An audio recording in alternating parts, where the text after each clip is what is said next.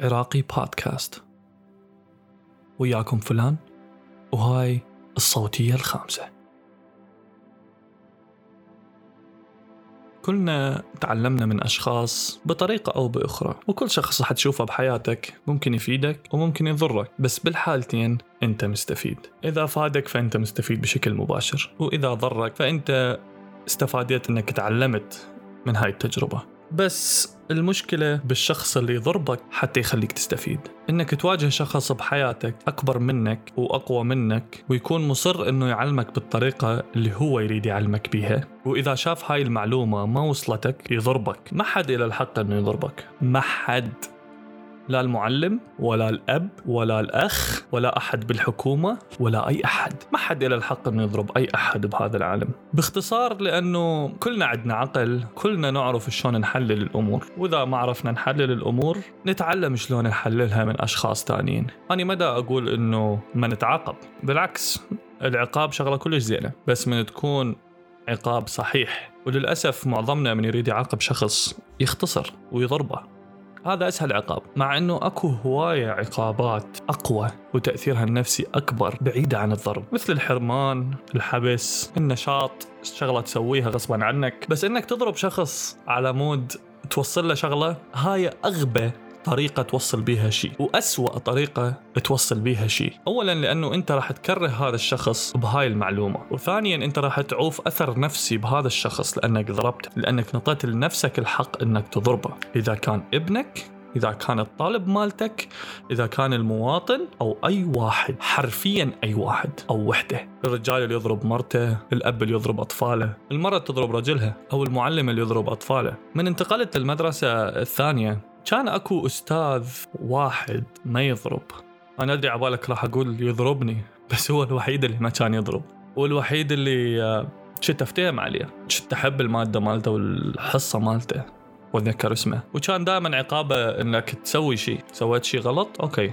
هاك حل هاي المسألة. أو أنت محروم من كذا. أو يشيل منك علامات. بس عمره ما يقول لك راح أضربك. عمره ما شال لك عودة. باقي المدرسة وإدارتها كانوا عايشين عبالك بسجن. ياهو اللي يجي يضربوه. ياهو اللي يجي يسحلوه. تأخر عن المدرسة ضربه محل الواجب ضربه حكى ويا اليمة ضربه ليش هيك نعلم أجيالنا؟ ما أعتقد أي أحد بيكم يحب ينضرب باللي يسمعوني. ولو ما أعرف.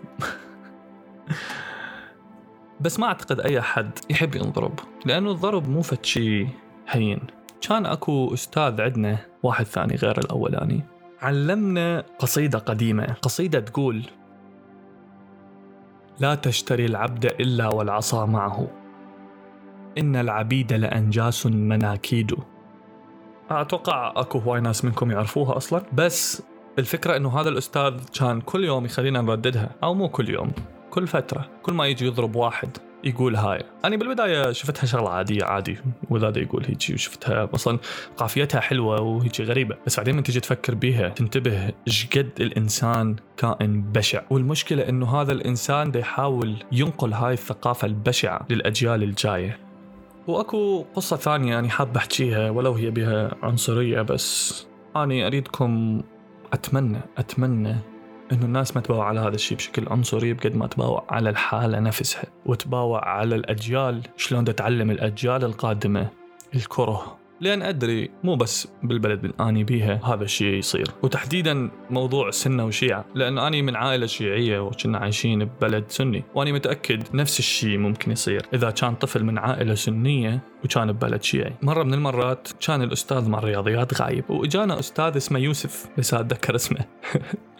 كان ما يدرسني. تخيل تتذكر اسم أستاذ ما كان يدرسك أصلا؟ وهذا الأستاذ كان يدرس رياضيات. اجى يغطي مكان أستاذ ثاني غايب. وقعد يحكي لنا عن الدين وشلون الدنيا خربانة بدون الدين. وبعدين أثناء ما هو دا يسرد ودا يخرط كان يقول أهم شيء إنه إحنا ما نكون مثل الشيعة. إحنا كنا طلاب ما نعرف شنو يعني سنة وشيعة أصلا. شنو يعني سنة شنو يعني شيعة. أنت على شنو دا تحكي؟